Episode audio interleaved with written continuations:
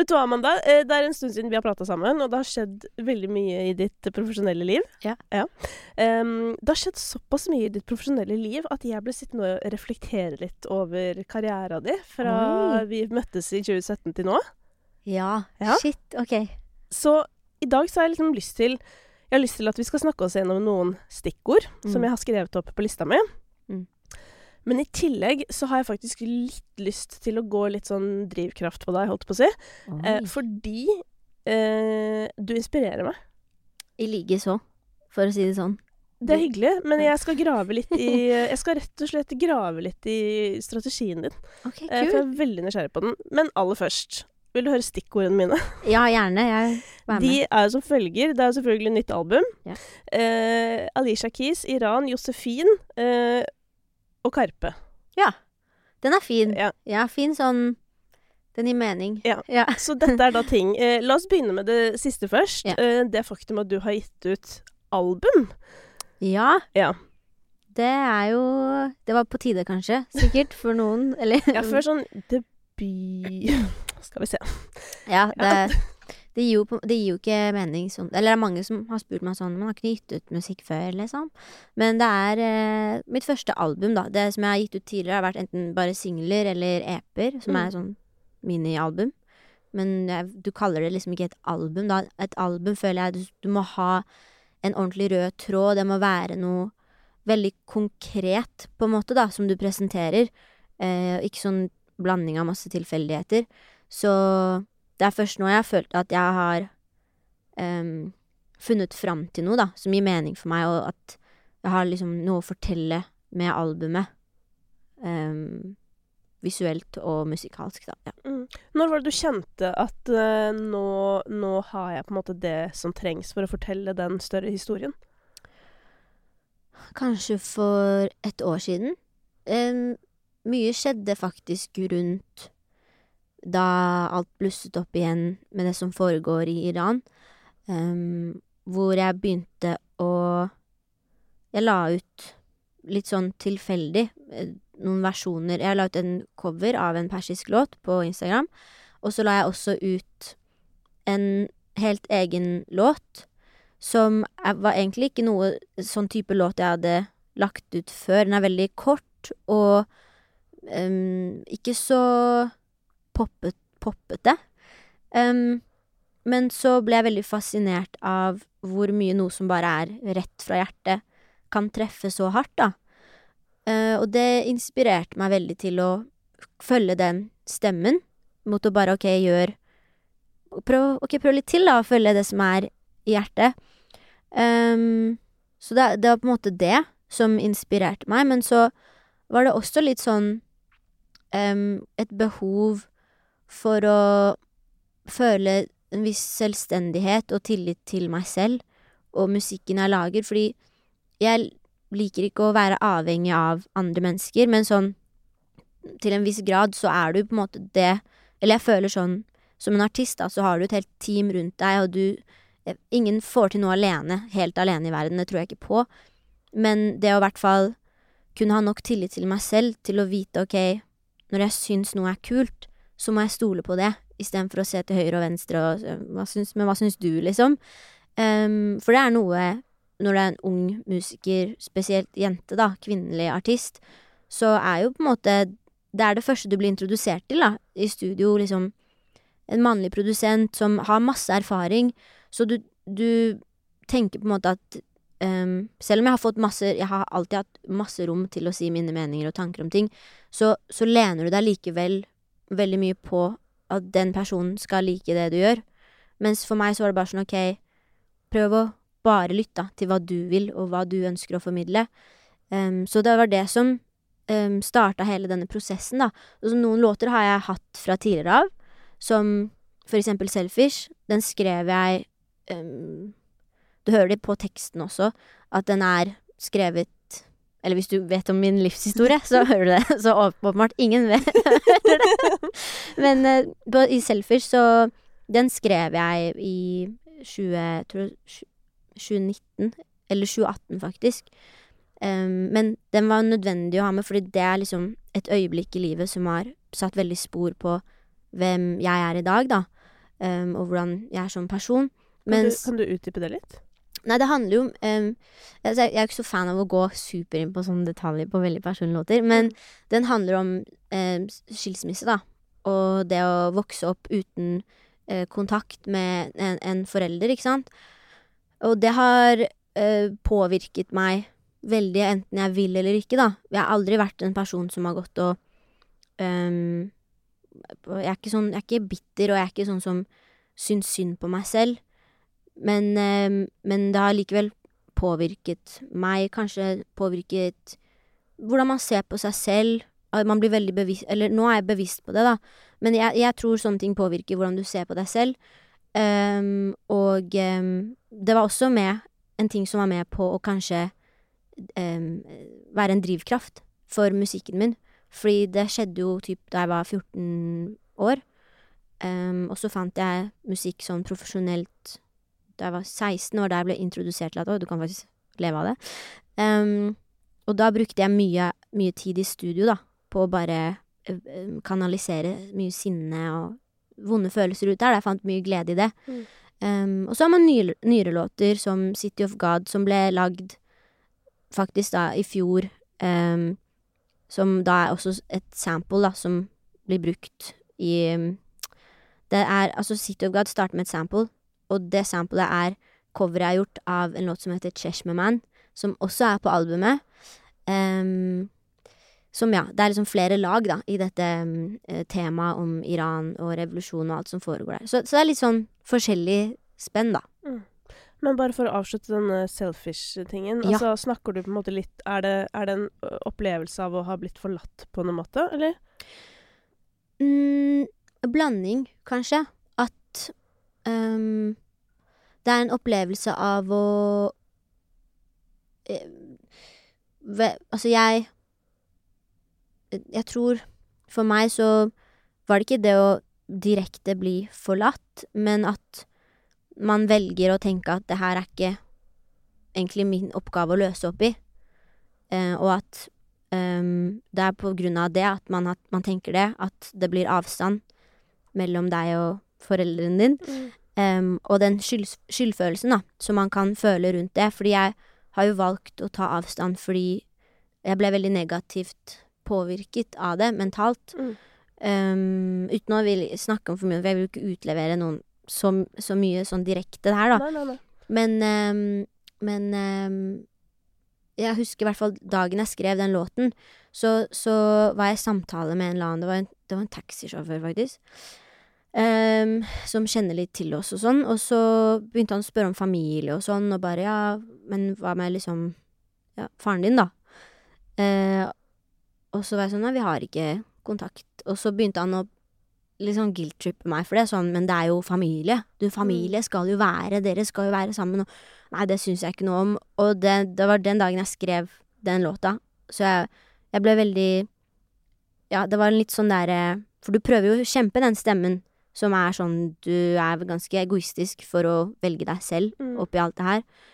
Um, så det er jo veldig det det er basert på, da. Å velge, å velge seg selv og føle skyld for det, da. Mm. Mm. Det er et utrolig viktig tema, for det første. Eh, hvor du snakker for veldig mange mennesker som kanskje ikke klarer å gjøre det du har gjort, da. Mm. Eh, som sikkert også er en daglig kamp, men som du sier, det har jo forma deg, og, og dette albumet er jo noe som viser virkelig deg og din, hva skal jeg si, sanne stemme. Ja, ja. eh, i sin helhet. Um, og jeg elsker jo å høre hvordan du beskriver det der at du egentlig bare testa å legge ut noe som kom helt innenfra, da. Mm. Som jeg syns er ironisk. Yeah. For jeg prøver å si hele tiden at sånn Jeg er bare hypp på å høre eh, på de som har noe å si. Ja. Og andre ting, det, blir, det kan også være underholdende. Ja. Men jeg er ikke så interessert i det. Um, men kan du si noe om hvordan det oppleves? Fordi veldig mange er jo nettopp på jakt etter å finne det Mm. som da kom ut av deg plutselig. Eh, er det noe man kan jakte, tror du, eller kommer det plutselig? Av den følelsen, liksom. Mm. Um, Som gjør, altså den følelsen som gjør at du faktisk får meldt noe som er så ekte, da. ekte. Um, Åh, det der er vanskelig å si, altså. Mm. Men jeg husker i hvert fall i den perioden så var jeg, og litt i perioden før, så var jeg omringet av Men jeg var med en venn som var Eller som fortalte meg veldig sånn um, Du skal ikke måtte forklare kunst. Du skal ikke alltid ha en forklaring på kunst. Kunst er, Noen ganger så må du bare si noe, og så er det det det er. Og det åpna i hvert fall litt sånn dører i hodet mitt, da. Eh, men, men sånn ellers har jeg ikke jakta det. Det kommer som regel når du ikke jakter det, ganske ofte for meg. Men det er ikke sånn at du bare skal sitte stille i sofaen din og stirre i taket, liksom. Jeg tror det er viktig å utsette seg selv for inntrykk, og være åpen for ting som til og med er vondt, da. Altså, Forbidden Song kommer jo av veldig mye um, smerte um, og sorg. Så jeg tror det er i hvert fall en viktig nøkkel, da, å bare eksponere seg for alt mulig. Mm. Mm. Ja, fordi det er jo også noe litt sånn spesielt ved det der at du finner din eh, ekte stemme, Mm. eh, og du bruker den, eh, noe som andre ikke har verken lov eller mulighet til å gjøre på samme måte. Ja. Um, kan du ikke fortelle litt om, om hvordan på en måte den hva skal jeg si, politiske kampen har fått så stor plass i, i din karriere? Uff, det er også sånne der ting som bare har kommet veldig naturlig. Mm. Det var jo den første låta mi, Paper Paper, mm. som du spilte. Mm. for, ble jo spilt for første gang hos deg. Jeg husker det, og jeg hørte på den senest i stad, for jeg måtte ta en liten uh, trip down memory lane, og tenkte sånn Å, fy fader, jeg, jeg husker faktisk skikkelig godt følelsen nå, fordi dette har jeg beskrevet noen ganger tidligere, men det derre er noen øyeblikk, ikke sant, Mm. i uh, i arbeidslivet, da, Mm. hvor jeg har hørt låter for første gang, eller jeg har hørt en cover for Altså, hvor jeg bare vet at sånn Dette er noe, på en måte. Cool. Og det er masse som er noe, altså, men du vet de tingene som virkelig sånn Her er Her er det noe ekstra. Ja. Ja. Det var, jeg må bare si det, jeg husker jeg var skikkelig stas, fordi ehm, på den tiden spesielt, da, så var det veldig sånn der Alle snakka om sånn Å, kommer du deg gjennom P3 Nåløyet og sånn, ikke Mm. sant? Så det, det var skikkelig Jeg husker det var skikkelig stort, da. Um, å høre seg selv på radioen, og høre seg selv på ditt program. Uh, så det er jeg veldig takknemlig for, fordi hadde ikke det skjedd, så hadde jo ikke Gunerius remix skjedd, som ikke Altså, det er så mye, da. Så det er én ting som avgjør så mye. Ja, på, ja, det er jo på en måte det, og, og den eh, Og Karpe skal vi tilbake til. Ja, sorry, Men, eh, men Whoops, jeg la hoppa oss fram. holde oss på at du Ja, du, du har på en måte vært politisk fra Ja. starten, men jeg opplever jo at, at det kanskje har blitt viktigere for deg Mm. og mer bevisst etter hvert som året har gått. Ja, altså, fordi jeg starta Jeg starta politisk med Altså, min første EP het Rebel, som Grunnen til at man kaller det det, er fordi at jeg følte det var ganske rebelsk å synge om politikk, i hvert fall i lille Norge, hvor det var ikke vanlig på den tiden. Det var vel kanskje bare Karpe som gjorde det sånn intensivt. Um, men der var det jo Det, det skjedde mye på grunn av at rundt den perioden så var det første gangen jeg hadde samtale med moren min, da, om hennes oppvekst, og jeg ble bare sånn mindblown over at hun hadde vokst opp under en krig, eh, og opplevd den angsten, da, når du hører flyalarmen gå, og du vet ikke om du står opp neste morgen, for du, du vet ikke om er det blokka di som blir bomba ned, liksom. Um, så det er liksom det uh, det kommer av. Men så kom det en periode etter det hvor jeg spilte ja, spilte masse festivaler med disse låtene. Um, og så tror jeg at det ble mye Jeg syns Jeg følte på et eller annet tidspunkt så ble jeg litt sånn rebell inni meg mot rebellen, fordi jeg så rundt meg, og da så jeg liksom å ja, alle her har jo en karriere, ingen som snakker om politikk eller liksom Hvorfor, hvorfor må jeg gjøre det? Hva faen? Skal jeg, jeg vil også bare ha det chill på den måten, liksom. Og ikke bli spurt om bare liksom masse politikk da når jeg gjør intervjuer, men spurt om musikk eller hva enn, ikke sant. Mm. Um, så da ble jeg sånn, vet du hva, um, jeg trenger en pause. to år inn i karrieren nå. Det var så Ja, lenge det- jeg jeg, klarte å bære denne fanen. Herregud, jeg tenker på det stakkars managementet mitt. Men, men de var jo så forståelsesfulle, for jeg var sånn De har alltid sagt til meg sånn Med en gang du ikke syns musikk er morsomt lenger Eller med, med en gang, ikke morsomt, men med en gang du ikke finner glede i det, da må du si ifra. Det er viktig. Du skal ha den De er veldig opptatt av mentale helse da, og alt rundt det, så det er jeg veldig takknemlig for. Så når jeg sa sånn OK, etter den konserten her, så bare Vi må putte på is, folkens. Eh, så da kom jo Jo, da var det vel ett år hvor jeg begynte å lage annen musikk. Jeg tror jeg reiste også litt, bare for litt innspo. Og så eh, begynte jeg Ja, så lagde jeg den norske EP-en min, som også var litt sånn samfunnsrelatert. Men eh, ikke like sånn hardt. Det var en veldig sånn soft EP som jeg føler er mer spiselig for majoriteten. Ja. Folk, folk likte den. Ja, folk likte den. Det var veldig hyggelig. Um, den havna, og den også havna i skolepensum og alt. Det var superstas. Og så eh, Fortell om det, da. Hva var det som havna i pensum? eh, Nå er det oss. Ja. Fordi jeg har jo på coveret av eh, denne EP-en, Mm. så har jeg et bilde av meg og Bjørnstjerne Bjørnson. Det er mange som tror at det er bestefaren min, det er det ikke. Eh, men jeg står med en paraply over han, da. Eh, med disse symbolene som representerer alle låtene i prosjektet. Mm. Um, og for meg, med det prosjektet, så ville jeg på, Jeg ville fortelle at um, minoritetsungdom, minoriteter generelt i Norge, da, vi har Vi må sette oss selv på lik linje, da, med majoriteten, og tenke at vi kan også uh, sette spor i norsk kultur, um, i skolepensum, alt mulig, norsk musikk, eh, kulturhistorie, på lik linje med alle andre. Eh, så var det jeg ville fortelle med det. Um, så da kom Ja, nei, det, jeg husker ikke om den Jo, den ja, Problemet her var jo at den slapp i begynnelsen av 2020. Jeg slapp den appen i januar 2020. Og så kom korona i mars. Um, og da var jeg sånn Kult, da kan vi ikke spille med den noe sted. Så nytt prosjekt, ikke sant? Så Mm. da gikk jeg og Sondre inn i studio. Som er da en av produsentene du jobber med. Yes, Haftorsen. Sondre Haftorsen. Vi har jobba sammen siden jeg var barn, holdt jeg på å si. Siden starten. Ja, vi var liksom en av de første hverandre hadde jobbet med, da. Ja. Um, I studio til Kave, vel å merke, Um, som, som bra, brang oss sammen. Ja.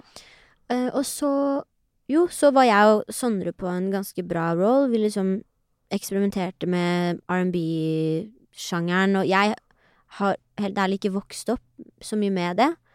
Ehm, så det var hans verden. Så det var meg, jeg som heller dykket inn i hans verden og var sånn eh, tok veldig um, Hva skal jeg si Mye lærdom, da, av han. Um, og så hadde vi plutselig et knippe låter som var superfete.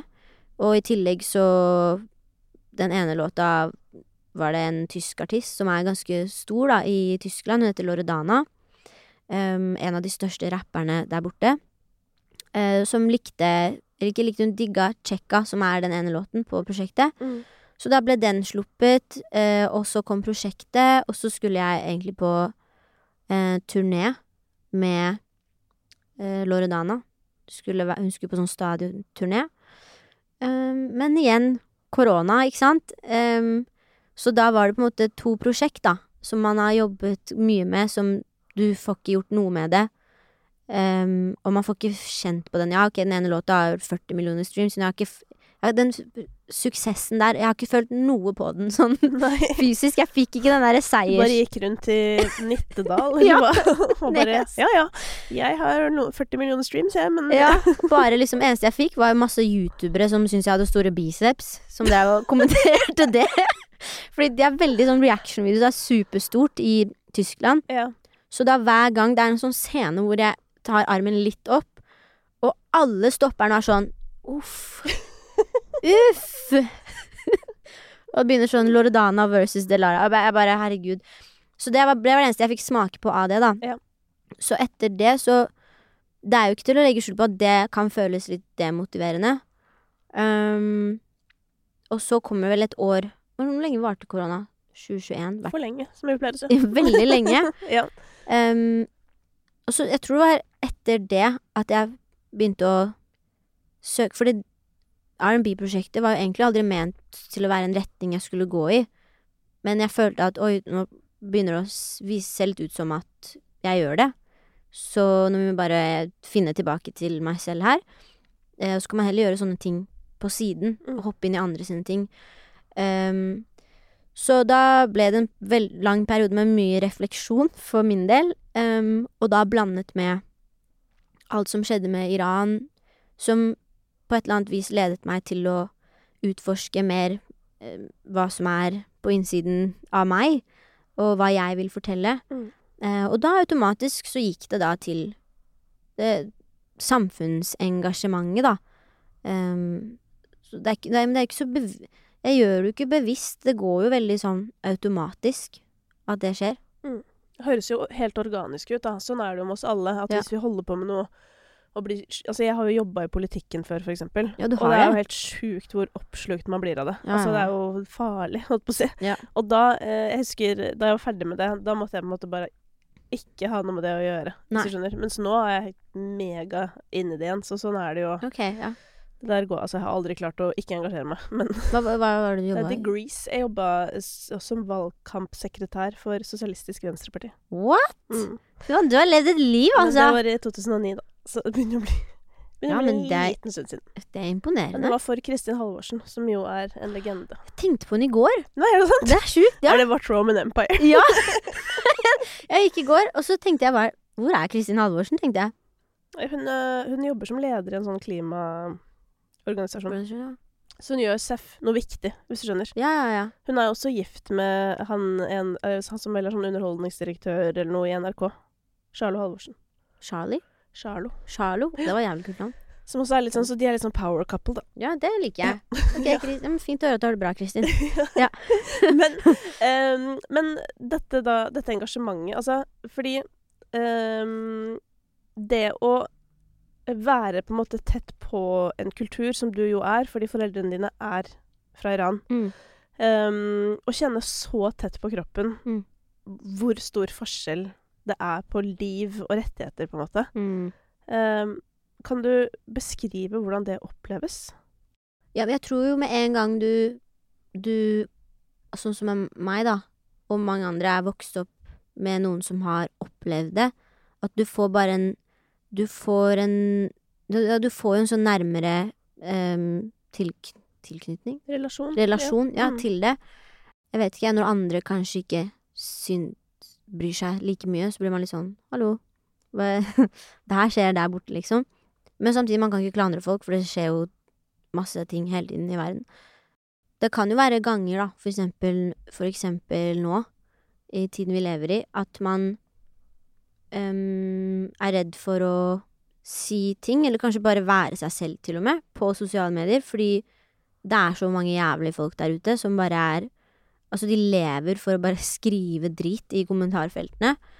Um, men da har man jo Da prøver jeg alltid å liksom tenke på det at hei, det er faktisk I hjemlandet så er det mennesker som De får ikke lov til De får ikke lov til å si hva de mener. De får ikke lov til å være seg selv. Ja, de blir jo fengsla. Ja, altså det, altså det verste Sara Korami sa en superfin ting på Lindmo, tror jeg. At eh, det verste som kan skje, er at eh, Er at noen ikke liker meg. Hvis jeg sier noe feil, eller hva enn. Eh, mens i Iran så er det verste som kan skje, at du blir drept. Men det er jo litt som du sier, at jeg har Altså, i, i disse tider, da, nå er det jo veldig mye eh, Israel-Palestina det går i, Ja. eh, som på en måte har oppmerksomheten vår, holdt på å si. Mm. Um, og jeg har jo vært veldig velsignet, eller som jeg pleier å si, at jeg har veldig veloppdragne følgere. Mm. Fordi det er liksom ikke noe Jeg har aldri, aldri Det har ikke kommet noe negativt om eh, støtten som utvises, da. Mm. Men så ser du på en måte på andre type folk yeah. som deler innhold, og kommentarfeltene som er sånn Det, det, er, det er helt spinnvilt, liksom. Ja. Det er nærmest liksom trusler, og det er fordi det er så betent, da. Og så blir jeg sånn Mm. Hvordan eh, kan du ende med å skrive dette Ja. når det eneste folk vil, er sånn Kan vi bare sette mord på pause i Ja. to sekk, liksom? ja. Og så klikker folk? Det, det, er, men det er, det er umulig å forstå. Det er altså så bare Jeg vet ikke om det var um, På Stortinget i går, så stemte de om eh, Ja, om du skal anerkjenne staten Palestina Ja, som egen stat. 15 stemte for, 80 stemte mot.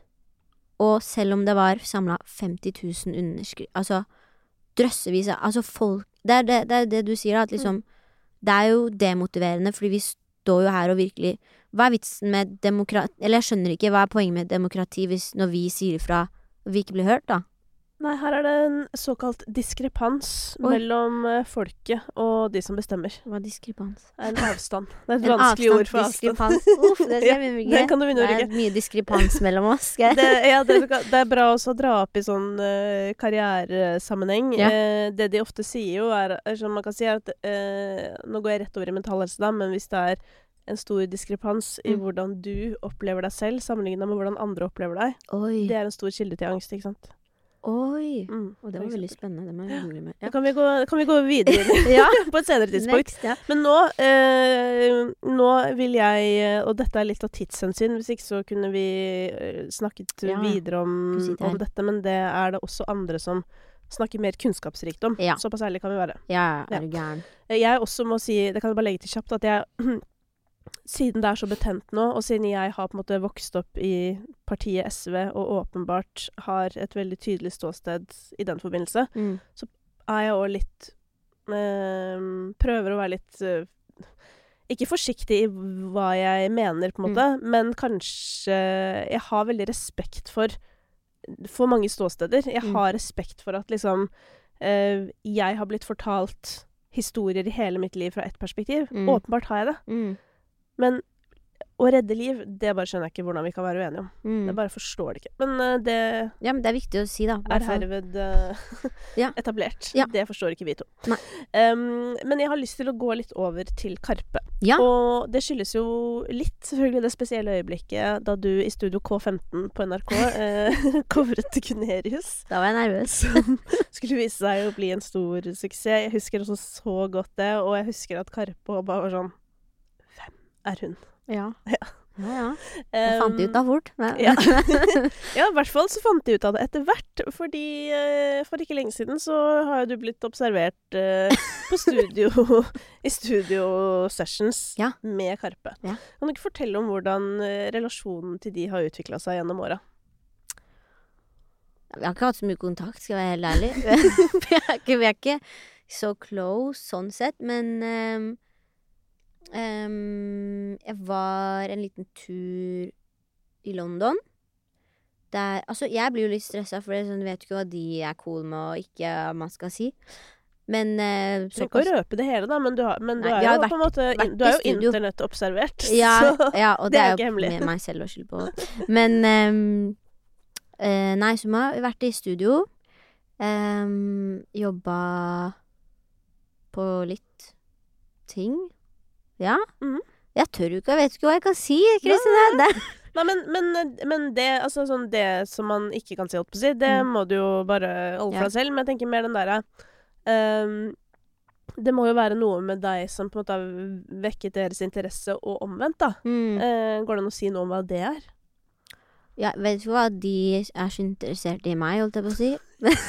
Nei, men, eh, ikke sånn, og det hørtes det veldig jeg vet, ikke, jeg vet ikke hva de tenker. Men ehm, jeg har tenkt at det er jo sikkert naturlig, da. Med Eller kanskje ikke, I don't know. Men med tanke på sikkert remixen, da. Um, så har det alltid, Jeg har alltid tenkt at det er kult om det skjer Mm. om vi gjør noe sammen, men, men tidspunktet er sånn Jeg tror Jeg er i hvert fall glad for at kanskje at man har Jeg gjorde jo en låt på Heisan Montebello-filmen. En persisk låt i Mm. en scene eh, hvor Magdi vier masse damer.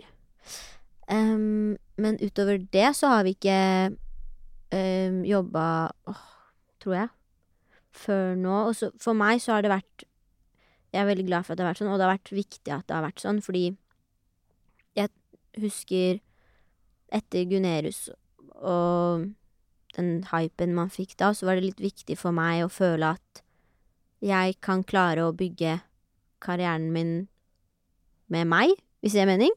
Ikke, men ikke at noe annet er feil, men jeg tror jeg trengte å bevise til meg selv at sånn du, klar, du klarer å Du kan få en hit i Tyskland eh, på egen hånd. Um, og det fikk man til, ikke sant? Ehm, og også sånn Ja, jeg har hatt lyst til å bare forme meg selv med kun meg selv i fokus, da. Mm. Fordi det, kan, det er ikke noe å legge skjul på at det kan være mm, Hva skal man si, da?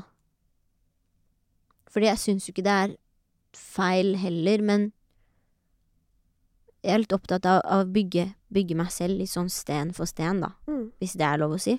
Det er veldig lov å si. Du, du har jo bygd karrieren din overraskende organisk eh, til, eh, til at du på en måte starta for Ja, i 2017, da. Ja.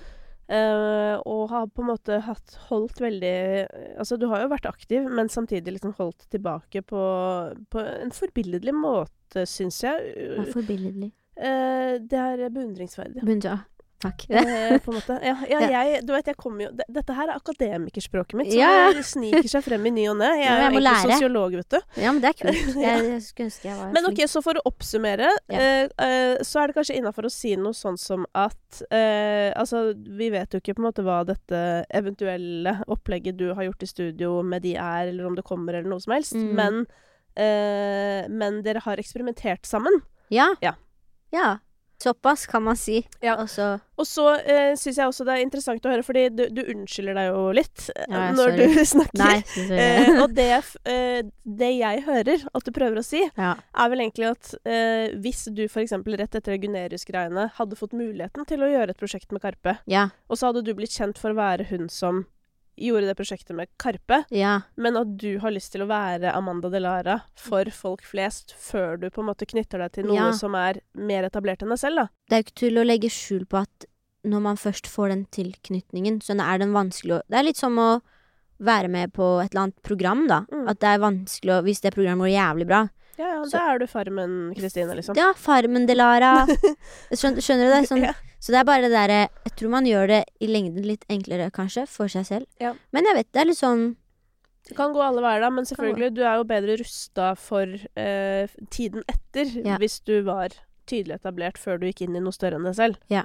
Eh, det sier jo seg selv. Men eh, det bringer meg jo på en måte til det neste, som eh, også handler om ditt coverliv. Ja. Eh, som da er at du eh, var veldig kjapp på ballen mm. med å covre den svenske slageren Josefin. ja, Tydeligvis var jeg ikke kjapp på ballen, da, ifølge folk på TikTok. Ikke sant? Ja. Men, uh, men for å si det sånn, noen hadde gjort det der. Noen Ja, En eller annen norsk artist hadde gjort det hvis ikke du hadde gjort det, hvis du skjønner. det var noen som hadde gjort det, og så var de sånn De hermer. Så var jeg sånn Bro, jeg har ikke sett den TikTok-en engang.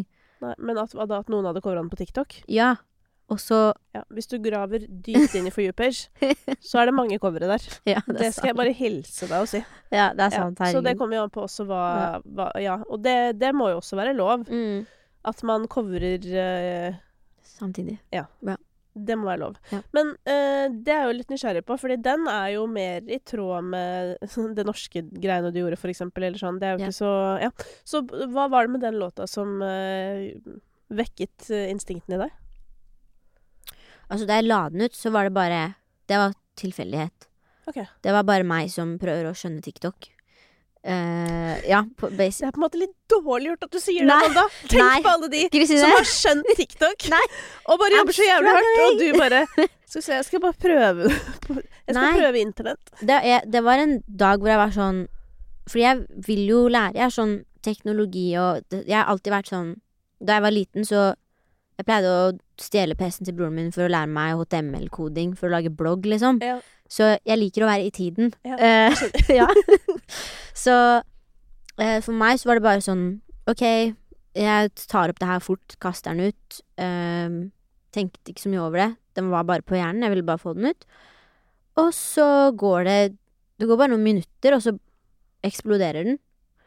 Um, så det var, det var supertilfeldig at den skulle få så mye oppmerksomhet. Og det som var litt key, var at det er jo ikke bare at låta Jeg tror det jeg har skjønt, er at det handler om hvor mange som bruker sounden din. Så folk begynte å lage videoer til sounden, og det ble en trend å bruke den. Uh, og det er da jeg følte sånn, ok, folk, vil, folk hører faktisk på den. Det er ikke bare en like og sånn, men de føler at de kan At den relaterer til et eller annet i livet deres. Um, og da føler jeg at det ga mening å ta den risken, kanskje, da, med å slippe den ut. Ja, for hvorfor er det risk? Det er ikke risk, men det er sånn, du vil jo ikke være en artist som bare gjør coverlåter. Eller man vil helst holde seg unna det så mye det går. Um, um, så Og i tillegg så planla jeg jo Altså, i den tiden så planla jeg jo albumslipp. Så var det sånn, ok, skal man slippe noe sånn rett før album? Men så føler jeg med liksom coverarten, for eksempel, da. Det er jo eh, tatt fra persisk eh, eh, Metropolitan Museum. Det er en persisk eh, dagbok til Rumi, så man bare fjerna teksten, og så har man lagt inn Josefin. Så sånn visuelt så vil jeg prøve å få den litt tilnærma der. Og så syns jeg genuint at det ble en veldig fin låt, en veldig fin versjon. Eh, og det som er gøy, er at sånn Jeg vil ikke si navn, for jeg hater å jinxe det, men det er jo store amerikanske artister som har sampla den. Og ja, inshallah skal slippe den, liksom. Men det var det som var litt kult, da. At den, ja, at den når så bredt ut. Fordi jeg har jo engelske følgere og amerikanske følgere og produsenter som følger meg, som jobber Jobber med store artister og Ja, nå ble det skikkelig sånn skryt. Men, eh, men ikke det. skryt Du må jo få Nei, må skryte litt, som da. jobber Kom med store igjen. artister. men men, men Altså, eh, du er ett ledd unna Beyoncé. Never jeg, er forget. jeg er faktisk ett ledd unna Beyoncé. så det må vi aldri glemme.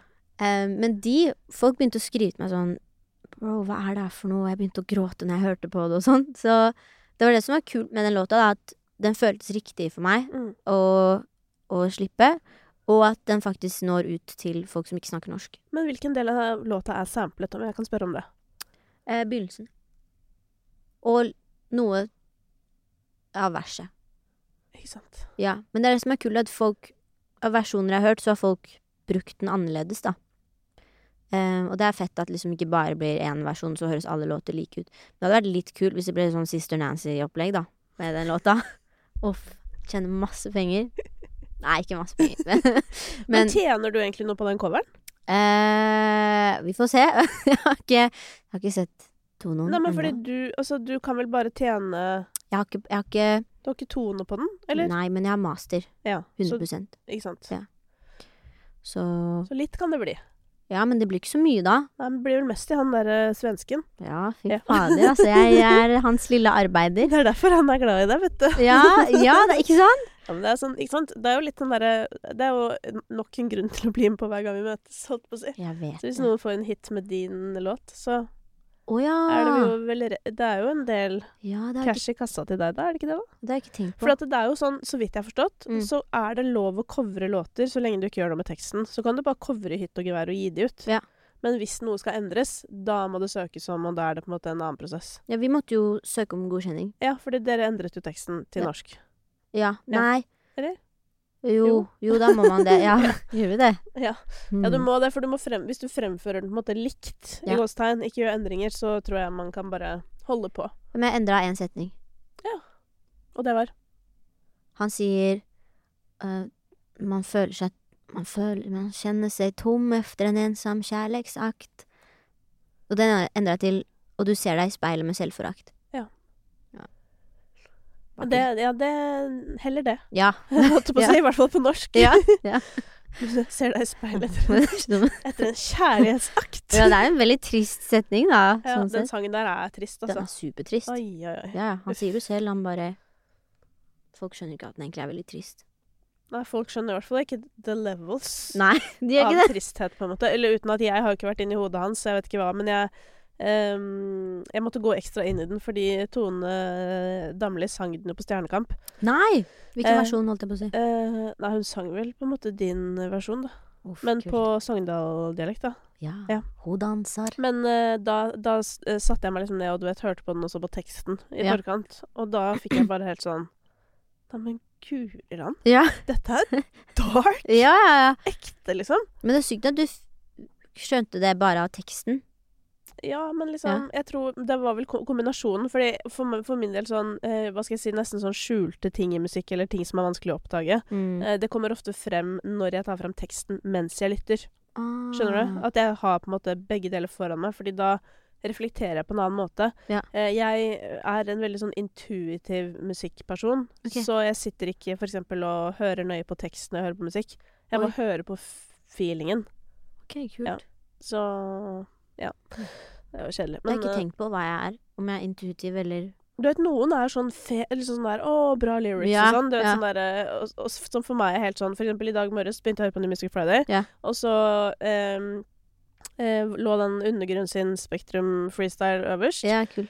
Eh, og så hører jeg på den, og hører bare på feelingen. Jeg vet ikke Altså, jeg hørte De sa sånn et eller annet eh, to ganger Spektrum. Ja. Et par ganger. Og resten er sånn Da må jeg høre på på nytt. ja. For jeg bare er i følelsen. Oi, OK. Ja.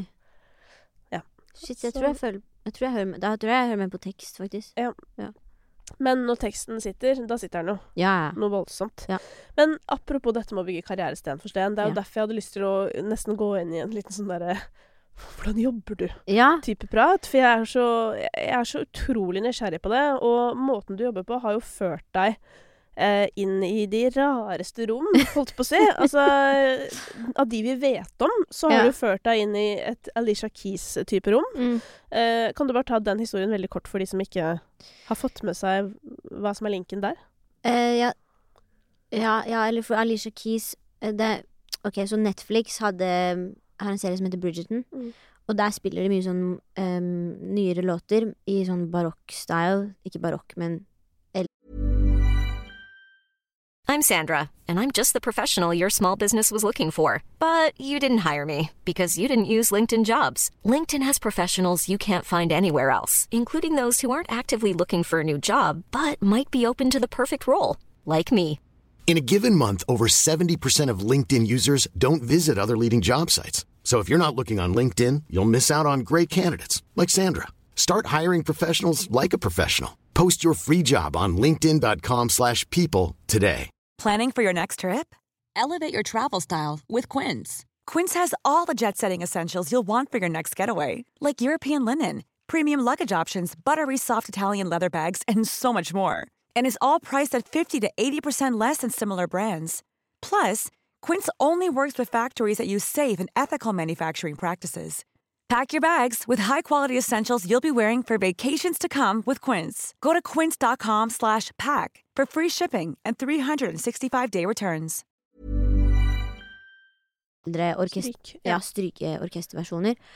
Og for å eh, feire mm, 20-årsjubileum til låta If I Ain't Got You av Alicia Keys, så lagde de da en video med masse, masse, masse kvinner. Um, minoritetskvinner, fargede kvinner, Um, som var i et stort orkester. Og så var det fem utvalgte kvinner fra verden rundt, kvinnelige artister, som ble liksom valgt da til å være representanter for kvinner, fram, framtidige kvinner da, i musikkbransjen. Og nåværende kvinner, da. Uh, så var jeg en av de. Og så Ja, var jeg det, da. Nå var jeg kort, var jeg ikke det? Jo, du var veldig kort, men, Ja. men bare så, Hvordan blir man en av de? Nei, da vet jeg. Det er jo å spørre Alicia, da. Eller Ja, men OK, så hva gjør det med deg mm. at hun eh, har tenkt At hun tenker på deg? eh, Man blir litt sånn Det er litt s- Man blir, veld, man blir veldig fla, flattert. Ja. Men samtidig, jeg vet ikke, kanskje det er noe i meg som føler at uansett hva jeg gjør, så er det aldri Eller hva som skjer, så er det liksom Jeg tenker alltid veldig sånn OK, neste. Så, så jeg vet ikke hva Nei, nå ble det jo helt Det var ikke det du spurte om engang. Men, Men, men OK, så betyr det at du Er du blasert? Altså, var nei, det ikke tenker, jeg tenker ikke så mye på det. Jeg kan glemme litt ting. Jeg kan Ja. glemme sånne kule ting som har skjedd, da. Sånn som det. At det er ikke sånn jeg går og tenker Å, Alicia Keys valgte meg. Nå er jeg på toppen av verden. Alle sammen, snakk pent til meg. um, ja, Det men fins noe mellom der og ikke tenke på det. ja, ja. Nei, men jeg tenker ikke på det i det hele tatt. Um, men jeg syns det var Det er så klart en ære. Det er jo en art stor Altså en av verdens største, liksom, det tidenes artister, da. Går liksom inn i den rekka. Og man er vokst opp med hennes musikk, så jeg tror det er litt sånn umenneskelig ved, ume, altså ved det, da. Mm. At du At du møter en person som har alltid vært i livet ditt, Ja. som du føler du kjenner, men hun det er litt sånn ure, urealistisk, så, så jeg klarer ikke å ta det helt inn, sikkert. Kanskje om noen år. Ja, for jeg sto på første rad på Oslo Spektrum-konserten hennes Nei. på hennes storhetstid, liksom. Uff. Ja, ja, det var helt sykt. Det er gøy. Men det er gøy at du bruker det urealistiske ordet, for jeg har nettopp eh, sett Robbie Williams-dokumentaren på Jeg ser på den nå. Ja, gjør du det? Ja. Ja, fordi han det Han sier jo det veldig mye. eh, understreker til stadighet hvor unaturlig Mm. eh, situasjonen han er i. ja. Og det syns jeg er så bra, og at det er så viktig, for det prøver jeg å si til folk òg. Eh, Igjen og igjen, hvis jeg er i snakk med folk som liksom har utfordringer på et eller annet vis. er det sånn og spesielt med tanke på alle som jobber med internett i disse dager, da, som Ja. veldig mange drømmer om, og som stadig flere gjør. Mm. Men det jeg bare skulle ønske de visste, er at det faktum at så mange følger med på det de gjør, Mm. det er ikke meant to be. Det er helt det normalt. unaturlig. Vi er ikke skapt for det i det hele tatt. Nei. Og det kommer til å gi deg utfordringer, og spesielt hvis du ikke er bevisst på det. Mm. Men 100 eh, ja, den dokumentaren Oi, oi, oi. Altså, så langt så jeg har sett to episoder. Jeg syns den er veldig, veldig ærlig. Sånn Ja, Det er helt sykt bra. Tenk at de har filmet hele karrieren hans. Ja, det er det. Hvem er det som, hvem er det som har filma det? Nei, det er jo litt diverse, da, men det er blant annet han ene produsenten som Han som ble litt lei seg. har hatt med Ja, Du må Ja. ikke spoile for meget her nå. nå Folk må se den, men Ja. den er sykt bra. Uff, jeg, jeg liker den godt. Ja. Ja. og det der eh, Altså, snakk om å på en måte Det er jo litt sånn um, uh, artistklisjeen satt på spissen. ja, virkelig. På mange måter. Mm. Ja. Men eh, nei, for en fyr. Og så er det òg fint å se bare sånn hvordan man utvikler seg gjennom et liv, da. Fordi det Mm. er jo faktisk et helt liv som reflekteres i den Ja. greia der. Ja. Um, og egentlig hvor utrolig hele historien hans er. Mm. For det er helt sånn Ja, det er helt Det er sykt. Altså, jeg kan ikke tenke meg engang hvordan han mentalt klarte seg gjennom så Altså, hvis du bare så hva avisene skrev om han, da. mm. Det var helt sjukt sånn Og det ene siden sto det Blobby Robbie. Så var det sånn bilde av han Jeg syns han så helt normal ut. ja. ja, hvor de hen, an, altså henviste Til til, at de syntes han hadde blitt tjukk, på en måte. Ja, det er sånn Hæ? Skri, Ja, man skrive sånn? de er syke der borte. De er helt sinnssyke. Og Ja. det er jo det som er uh, Man må jo for guds skyld ikke bli kjendis i Storbritannia. Fordi da kommer de, altså. Ja, det snikende. Og spesielt hvis du blir sånn megakjendis. De er, altså, det er verdens verste presse. Uff. Helt krise. Men ehm, jo, det er jo det ene, da, ikke sant, av sånne store, store hendelser Mm. eh, som folk har sett. For du har jo sikkert hatt mange store hendelser på priv også, kan Ja, jeg se for meg. jeg vil si det. Ja. Ja. Og så har du jo med deg da Beam, ikke sant, på Ja. eh, På skiva. ja, Ja. på albumet ditt. Ja. Som jo er en artist som kanskje i seg selv eh, nok ikke er sånn et kjent navn for veldig mange. Mm. Men han har jo liksom gjort musikk ja, med Beyoncé, med Justin Bieber, er dritfet. Mm. Eh, og som jeg sa, har gjort at du er et ledd unna Beyoncé. Ja, ja, ja. Og da blir jeg også nysgjerrig på sånn eh, Hvor, hvor har du møtt uh, han, og hvordan på en måte I et smug i Miami. Hvor mye har du betalt han, da? ja. Nei, det som er uh, veldig fint, da, og, og som jeg er veldig opptatt av med uh, artister jeg jobber med, er sånn For meg er det viktig at ting skjer organisk. Eller at artisten genuint liker meg. Altså, jeg er sånn derre kjøpt og betalt funker ikke.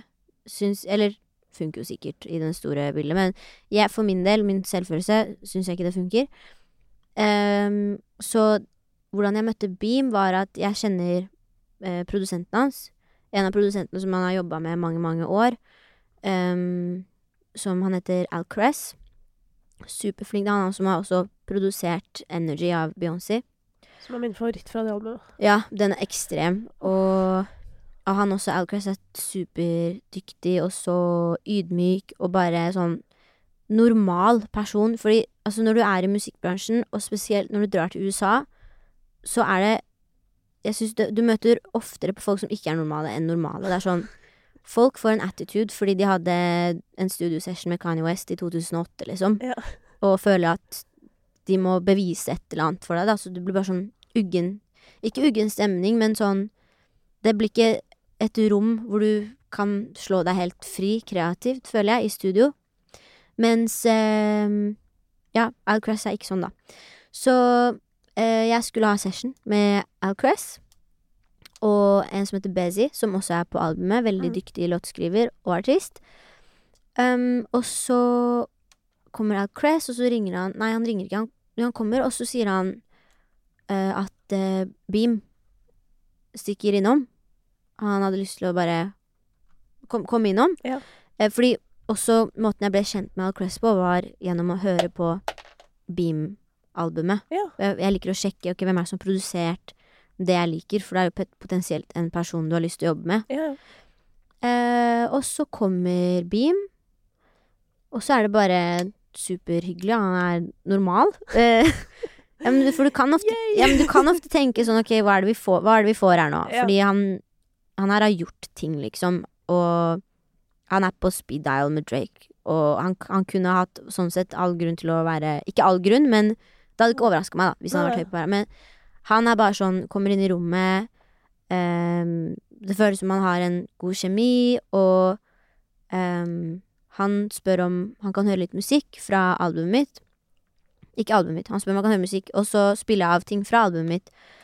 Eh, og så viser jeg han først Unbound, og han viser meg armen sin, han bare Bro, jeg fikk frysninger. ja, den er veldig fin, da. Takk, det er veldig hyggelig. Men det var også fint, for det var sånn her, ok Fordi eh, sånn dancehall-musikk og generelt jamaicanske artister har inspirert meg også på en måte til å ehm, bruke morsmålet mitt Ja.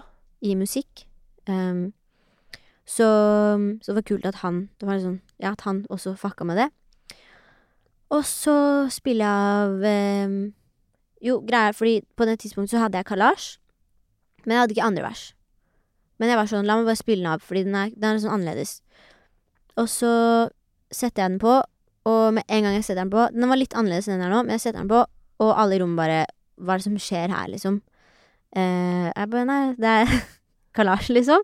Og så Og så ser jeg han begynner liksom føle låta, og, og så spør han sånn Hva betyr og What is Kalash? Jeg bare No, it's kalasjnikov. Eh, og han bare Kalasjnikov? Jeg bare Yeah. Fordi refrenget sier jeg, forklarer han liksom um, Shooting for the stars, dra, dra. Og han bare uff, that's hard, ikke sant? Og så Og så um, hører han åpent andre vers, så er han sånn Vi må inn i booten. Jeg skal legge vers. Og jeg bare ja, greit, vi kan gjøre det, så klart. Um, så da går vi inn i booten, og han legger han superrask. Uh, legger verset sitt, og så kommer vi ut, hører på det, og han er bare sånn Jeg skal være på den låta. Ordrett, ordrett, han sier 'jeg skal være på den låta', det er sånn, jeg skal ikke stoppe han fra det. Um, og så, så var det egentlig det sånn den ble til, og alt det ble til. Så etter det så For jeg hadde leid studio. Det er det som er litt kjipt med Miami, for jeg syns det er ganske dyrt å leie studio og sånn. Men du må leie studio, da. Så vi gikk over studiotid, for han ville absolutt recorde det verste.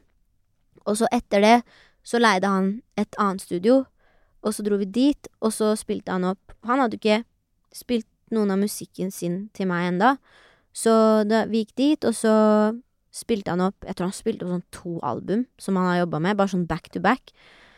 Eh, og bare ja, 'Hva syns dere? Er det heftig?' og sånn. Vi bare 'Ja, hvorfor spør du oss?' um, og eh, jeg vil bare vibe. Følte meg veldig sånn eh, Hva skal jeg si Beæret for at han ville dele det med oss. Meg, det var meg og Siver som var der på det tidspunktet. Som er eh, en jeg jobber med. Også en veldig god venn. Og så Jo, hva skjedde der? Nei, så bare var det vibes, og så måtte vi fly den kvelden Nei, den natta så måtte vi til flyplassen. Så da ble det på en måte ikke noe mer etter det, da. Da var det hjem. Og så jobba vi med låta hjemme. Og så kom den ut. Dette er jo en veldig solskinnshistorie fra musikkbransjen. Ja, det Eh, er kanskje fordi, det. Ja, fordi dette her er jo sånn derre Dette høres jo ut som en drøm. Ja. Altså både det hvor organisk dette skjedde, på en måte, at han bare blir gira og blir keen på å være med, Mm. eh, og at det faktisk blir noe av. Mm. Eh, fordi det fins jo så sjukt mange historier fra sånn 'Å, jeg var i studio med den eller den', eller Ja. Og så bare ble det aldri noe av. ja. Det er derfor jeg ikke snakker om ting. Ja, men det er det, fordi har du, har du hatt en sånn opplevelse opp igjennom som har vært sånn hvor du har trodd at sånn Å, nå skjer det et eller annet vilt, og så bare ble det ikke noe? Ja. Ja, ja, ja. Altså, på Tsjekka så skulle Lill Durk være feature. Men eh, så skjedde Jeg skjønner jo at han ikke kunne det, fordi artisten hans ble skutt og drept. Rett etter, liksom. Det var sånn Vi var i samtale med de, og så Og så var han gira på det, og så skjedde det uka kanskje etter at jeg hadde fått beskjeden, og da får man ikke til det. Som er veldig forståelig. Det hadde vært veldig upassende. Ja. Men sånne ting, da. Det er bare ett eksempel. Ja. Um, mens Ja, så har man andre ting sånn som det har ikke Da har det ikke, det har ikke vært på den personen sin kappe, men mer kanskje at jeg føler at man burde vente med det og sånne ting. Da, som jeg jobber med The Dream i 2017. Ja, 2017. Ja, for det var helt på starten, det husker jeg, og da var vi jo Da var vi andre, da Ja. vi her hjemme, vi var sånn Hva skjer skjer hva er nå?» det som skjer nå? Hva? Fordi vi er på en måte gamle nok til at The Dream er en av våre hovedlegender. Ja. Ikke sant? Ja, ja. Uh, Panties to the Side videre. Altså det er sånn derre Hele det albumet der er liksom kanskje de sangene jeg har spilt mest ute noensinne. Det er jo Han er jo eh, litt sånn som vi beskriver at Stig Brenner har vært viktig for norsk R&B. Mm.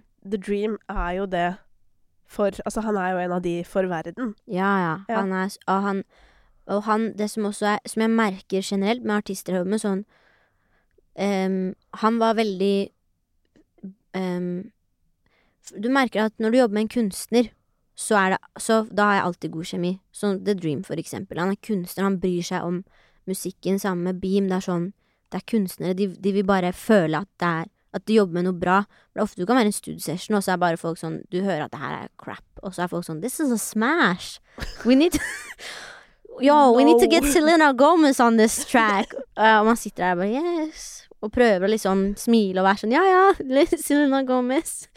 Og så er det bare sånn Mens der er det bare sånn det kun, Man får lov til å være litt sånn kunstner, da, i de rommene. Og, men The Dream er sånn Vi har låter sammen, men jeg valgte å ikke slippe de, da. Enda. Ja. Ikke sant? Så, så Så du har ikke lagt de i søppelkassa? Nei, man ja. ligger jo Det sånn Og det er også litt fint å bare kjenne på sånn Noen låter Hvis du liker de fortsatt Etter at Etter liksom Ja Fem-seks år da Da er det jo Sier noe om låta kanskje òg. Ja. Ja. Herregud, det er flex. Ja, jeg- kanskje Jeg vet ikke. Det er, vet du hva, det er en av de største flekser jeg har hørt. Bare sånn, jeg har noen låter med The Dream liggende på innpå her, men eh, det passer ikke helt for meg ennå, så jeg, jeg venter litt. Ja, men det Men uh, Kanskje i fremtiden. Vi får se. Men eh, Amanda, altså nå har vi jo hørt litt, eller vært liksom innom mange av de store tingene som har skjedd, og alle prosjektene Mm. fra 2017 til nå. Men eh, du beskrev jo også litt at da du var 16, så skjønte du at man kunne leve av å være artist. mm. Men det ekte liksom sånn bevisste valget på sånn Nå blir dette jobben min. Mm. Hvorfor tok du det? Eh,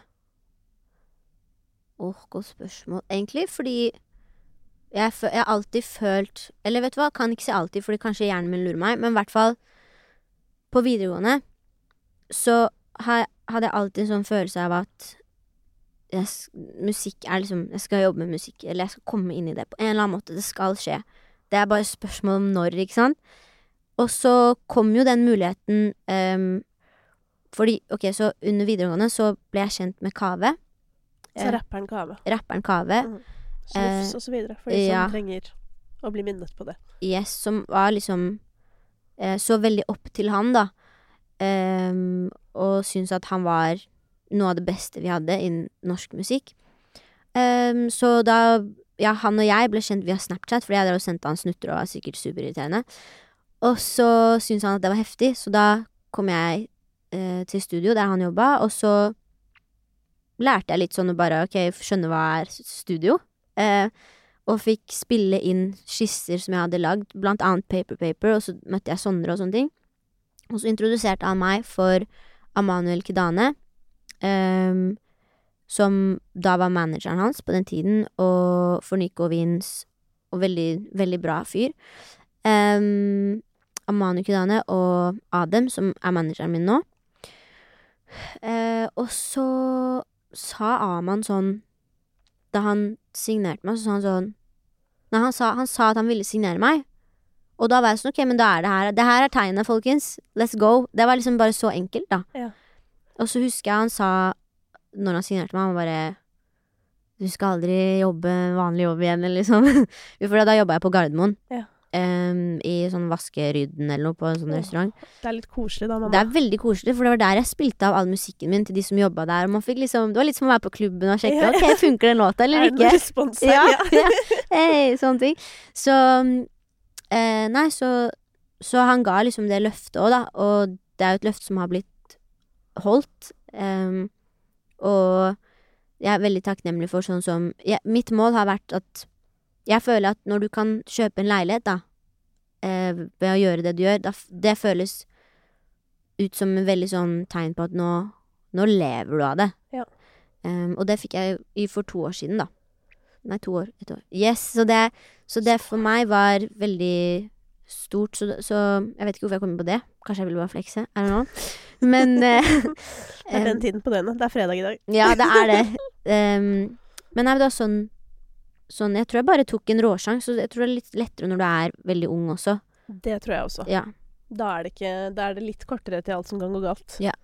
Men det lurer jeg også på at eh, hvis du er som uh, folk flest, mm. så hender det kanskje at du også liksom tviler eh, på, på deg sjøl, og på en måte har du valgt riktig, eller Mm. eh, Hvilke type ting i jobben din er det som kan gjøre deg usikker? Mm. Det er et godt spørsmål. Fordi jeg kan bli Hva er det som gjør meg usikker? Jeg er usikker hele tiden, holdt jeg på å si. Men er det, er det noen ting du merker at du er ekstra sårbar for? Eh, altså, jeg kan jo ta eksempel fra Mm. eget liv, da. Mm. Jeg uh, føler at jeg står veldig godt i nesten alt. Mm. Men hvis jeg blir usikker på om noen misliker meg, eksempel, Mm. Uh, eller om jeg har gjort noe gærent eller et eller annet sånt, Mm. da, da er jeg ødelagt, liksom. Og Ja. det kan ta fra meg nattesøvnen i dagevis. Um, det er sikkert sykt mye, jeg bare kommer ikke på, så klarer jeg ikke å formulere det sikkert.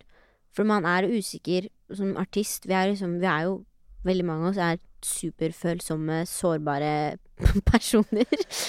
Altså, for å dra dere alle over en kam Ja, Ja. ja, vi er det. Så jeg vet at det er mye, jeg bare kommer liksom ikke på Det er mer uvanlig eh, Altså, artister uten nevroser, Ja. det tilhører sjeldenhetene.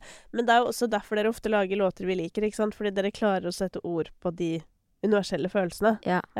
Men hvordan er du på sammenligning og sånn, da? Altså Oh, jeg, jeg er veldig konkurranseinstinktmenneske. Ja. Vel, ja, så Så Det er kanskje det, men det er det som er litt problemet, da, sånn jeg kan se veldig mange Det er det som kan være en dårlig egenskap. Jeg kan se veldig mange ret retninger, så glemmer jeg ikke hva er det jeg gjør akkurat nå. Uh, og tenker men ja, da, vi må gjøre det der òg, og så må vi gjøre det, og så må vi gjøre det. Så. Så, så sånn sett så kan jeg sammenligne mm, meg selv, men akkurat nå så føler jeg at musikken er så egen at det er liksom veldig vanskelig å sammenligne. Og hvis jeg sammenligner meg med noen, så, kan management være litt sånn, men du må huske at det her er liksom et kunstprosjekt. Det er liksom det er ikke, du, kan, du kan ikke sammenligne hva som skjer her, med noe som skjer i noen andre sin karriere. Um, så definitivt Det er selvfølgelig Jeg blir bedre på å ikke gjøre det. Jeg tror før så, så gjorde jeg det, som jeg snakket om, da, med, med at jeg Hvorfor skulle jeg synge om politikk? Det er ingen andre som gjør det. Kan ikke jeg bare Faen, de chiller'n med å bare Ja, ha superenkle låter, som er kjempebra, det er ikke noe galt med det, men, men på det tidspunktet så kunne jeg være litt sånn Men nå Jeg tror liksom Det har kanskje kommet litt med alderen, da, at um, Det kan for eksempel være priser, da. Før så kunne jeg bli veldig sånn Hei, hvorfor har ikke de um, Sånn som norske EP-en min, da. Sånn, den fikk ingen sånn tekstgreier, ingenting. Da kan jeg bli sånn Hallo, hvorfor fikk den og ikke det her? Eller liksom Det er i pensum, og liksom hva, hva, hva er det som er tenkt, da?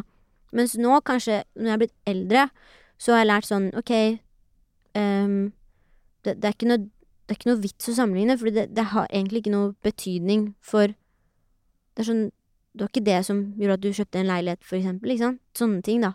Vet ikke om det ga noe svar på spørsmålet ditt i det hele tatt, men Jo, litt. litt det var litt sånn Det vil jeg si. Ja, det vil jeg si. Men, men øh, det er jo lett å se alle de positive sidene ved artistlivet, hvis du skjønner. Mm. Vi ser jo dere på scenen, og når dere takker for ja, eventuelle priser og streams og alle Ja. disse tingene her. Men hva vil du si er liksom det tøffeste med veien du har valgt? Eh, jeg syns den kan føles veldig ensomt. Jeg kan kjenne veldig mye på ensomhet. Eh, selv om jeg ikke er ensom, hvis det gir mening. Mm.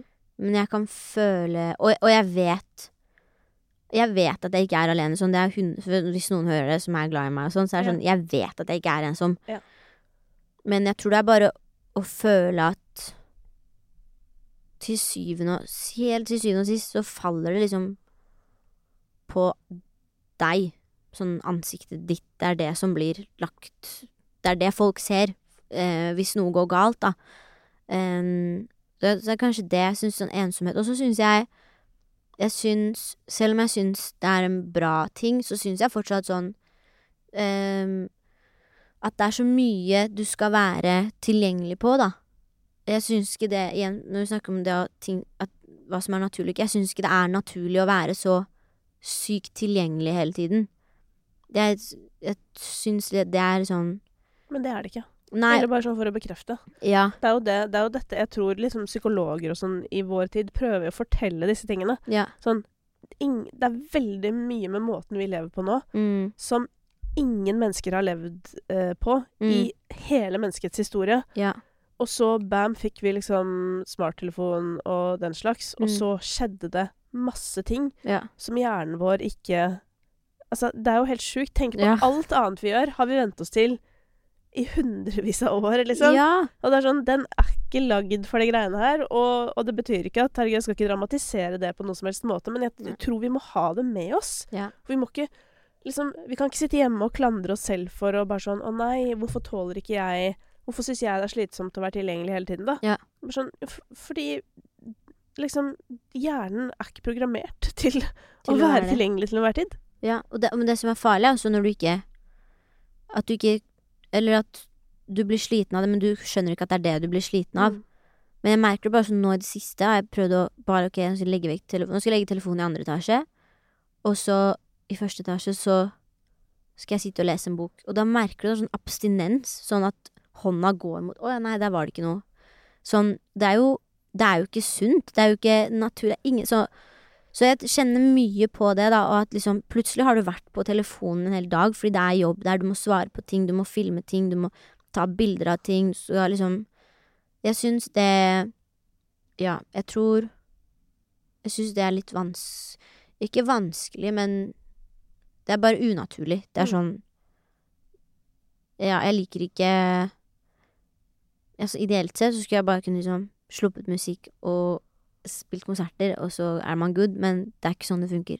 Eh, men det er sånn det er også. Det er sånn med alt. Det er jo ikke bare artistkarriere som er vanskelig. Alle karrierer har vanskelige aspekter ved seg. Sånn Ja, Jeg- og dette med tilgjengelighet gjelder jo for veldig mange, da. Ja, og så er det sånn Til syvende og sist så gjør jeg Jeg prøver liksom å tenke på det her så mye jeg kan, at jeg gjør liksom Jeg lever et liv som Hvis jeg vil i morgen, da, så kan jeg dra på badeland klokka tolv, liksom.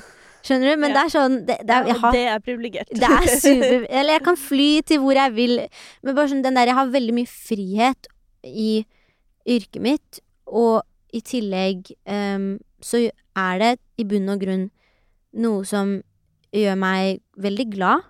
Um, og et sted hvor jeg får liksom brukt talentet mitt, da.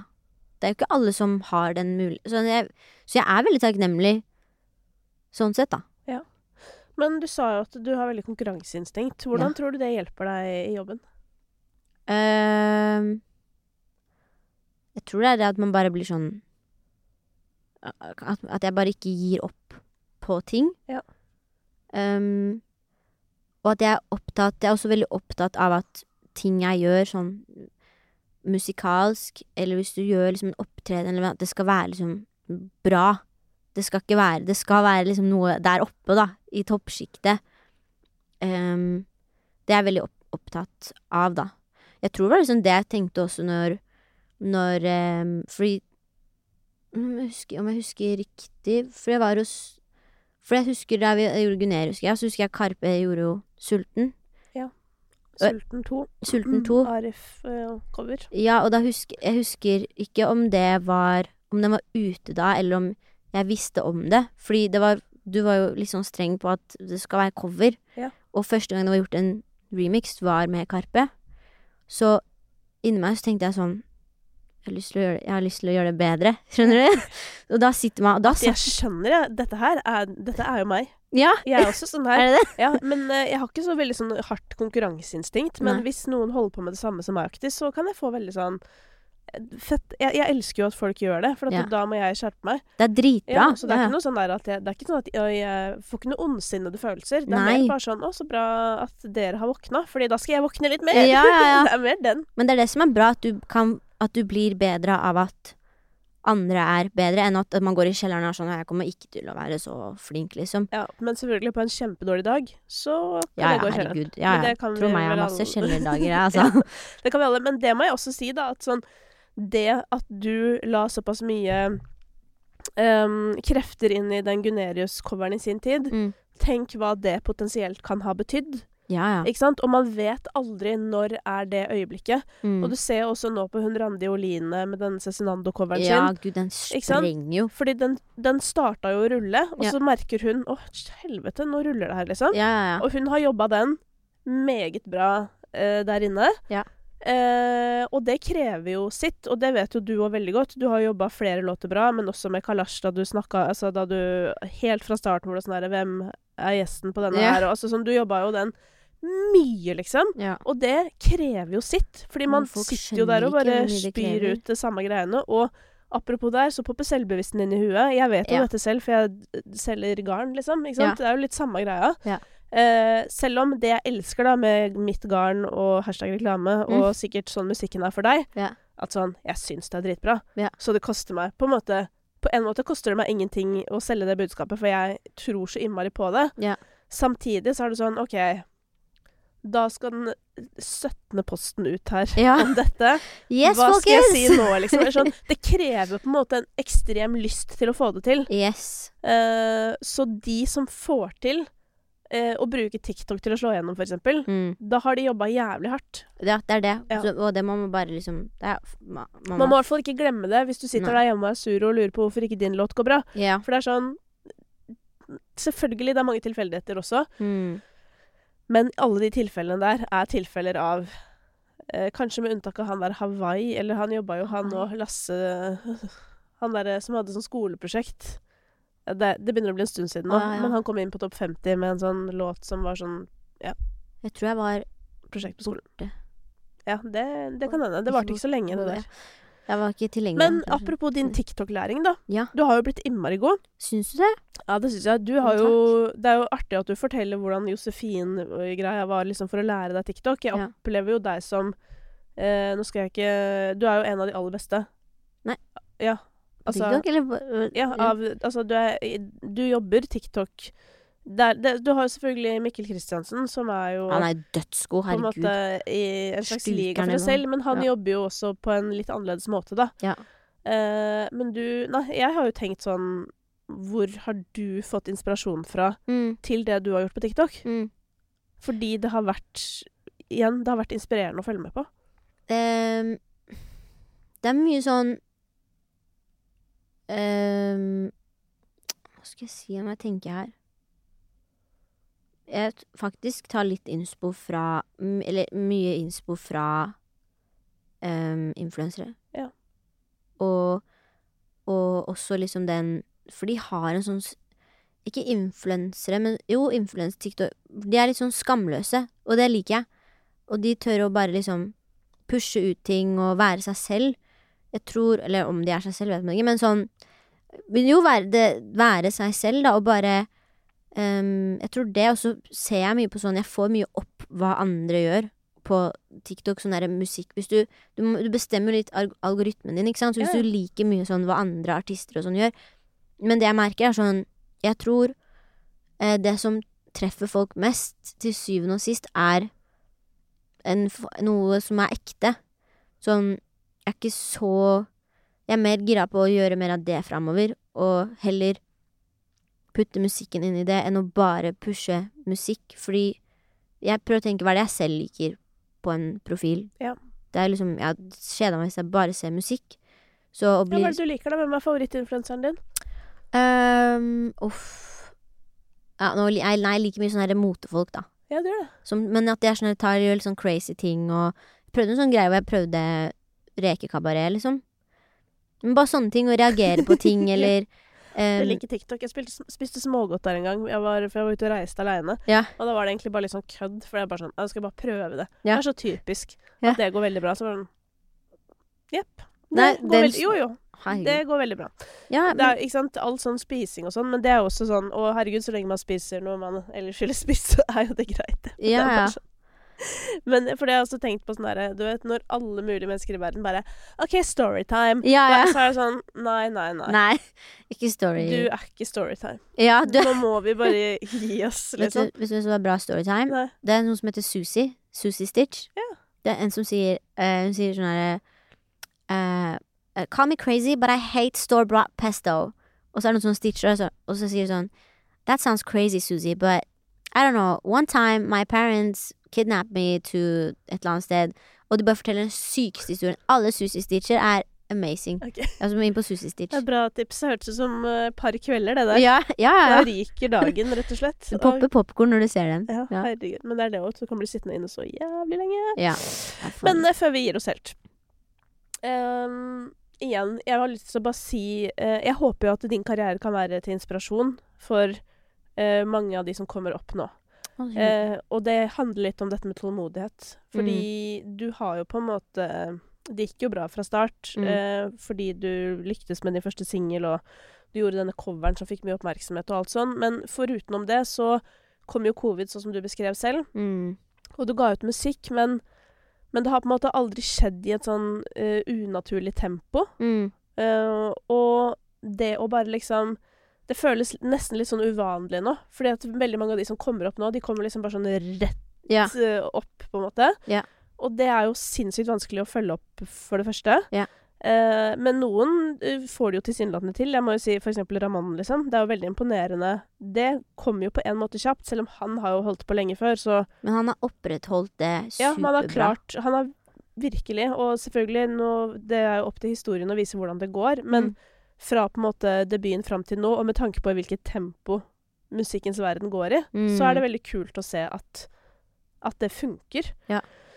Det syns jeg er lovende, men, men også det der å kunne se på din karriere at sånn Det er lov å være tålmodig, det er lov å si nei til ting som føles feil, det er lov å følge sin egen stemme, og Mm. kanskje det er faktisk når du gjør det, at ting virkelig begynner å løsne, da.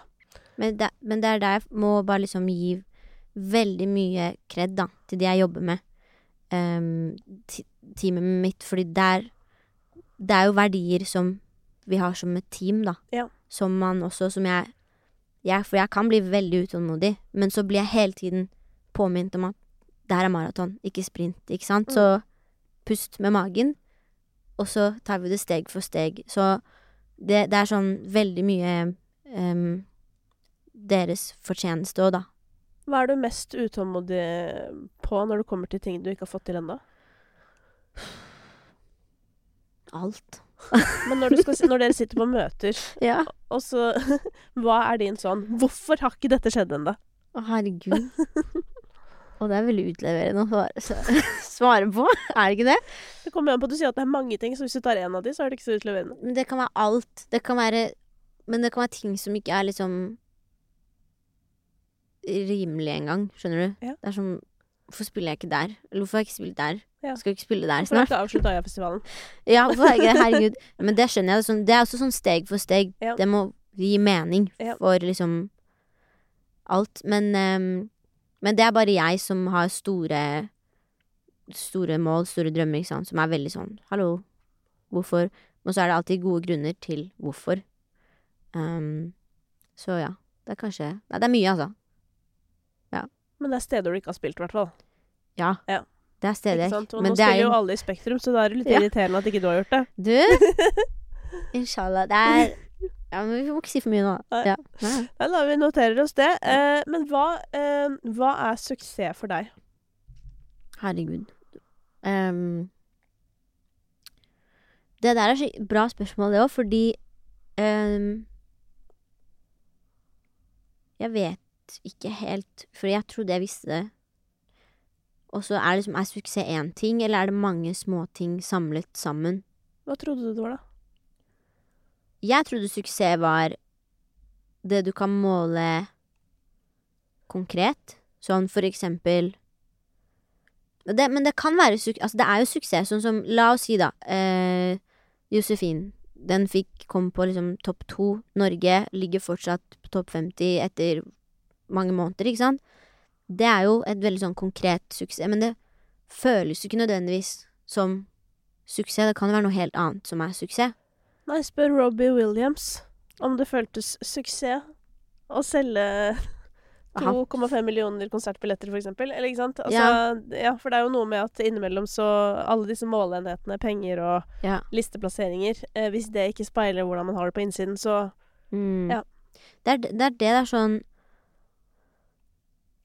Det er godt Jeg syns, jeg syns suksess Igjen, det er ikke meningen å prate om leiligheten min her, men eh, jeg, for meg så er det et tegn på suksess. Mm. At du At du har liksom fordi det, fordi det viser langsiktighet. Jeg føler liksom langsiktighet, da, er kanskje Bærekraft, da. At du har bærekraftig karriere. Ja, bærekraftig karriere. Ja, nå tenkte jeg miljøvennlig. Men, men eh, ja, bærekraft. At noe er langsiktig, at noe ehm, at, man har, at man når liksom de langsiktige målene sine. Mm. Det føler jeg er mer suksess enn den ene liksom hiten i Tyskland, eller det ene som skjer der. Skjønner du hva jeg mener? Veldig. Skjønner veldig hva du mener. Ja, fordi da har du, da har du vist at Eller At ting er ikke tilfeldig, da. Og når du eh, er på dine eldre dager, Ja. hva håper du at du blir huska for? Hmm. At jeg lager god hummus. Ja, men jeg, nå kan det hende jeg har tenkt feil, men jeg har tenkt at du kanskje er en som tenker på, Hummus? på ettermælet. Ja, på- ettermæle? Ja, at, at jeg sånn dør? Hva du blir huska for. Ja, Nei, jeg tenker faktisk lite på det. ja gjør du det? Ja, jeg tenker ikke så mye på etter jeg dør. Nei, men, tenker på men alle mens, dør rundt da Ja, OK.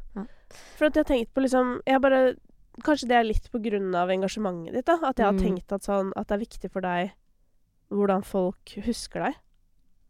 Kanskje det at Jeg har jo lyst til å Eller jeg har lyst til å være en person som kan inspirere andre til å bruke stemmen sin, og inspirere spesielt eh, minoritetskvinner i Norge til å bruke stemmen sin og sette seg selv høyt.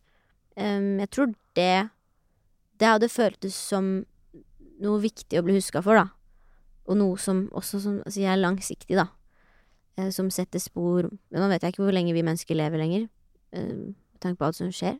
Men noe som setter spor, da, lenge, langt inn i tiden. Ja. Og kanskje Jeg vil jo bli huska for at, å, være, å være en som bryr seg om andre. Ja. Det er jævlig kjipt hvis folk Ja, hvis folk husker deg som en sånn slem person.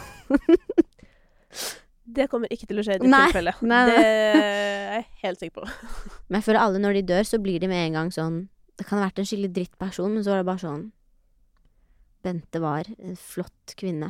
Ja, men der er vi jo Mm. gode på en måte, da. At Ja. vi Hedrer. klarer å finne det positive, eller hva jeg skal si. Ja. Jeg liker jo å tro at mm, vi har noe godt i oss alle sammen, da. Men Ja. uh, så må vi hjelpe hverandre å få det frem. Ja. I ditt tilfelle så trenger du ikke så mye hjelp. Altså. Eller sånn, det, det går hyggelig, bra. Ja, det går veldig bra.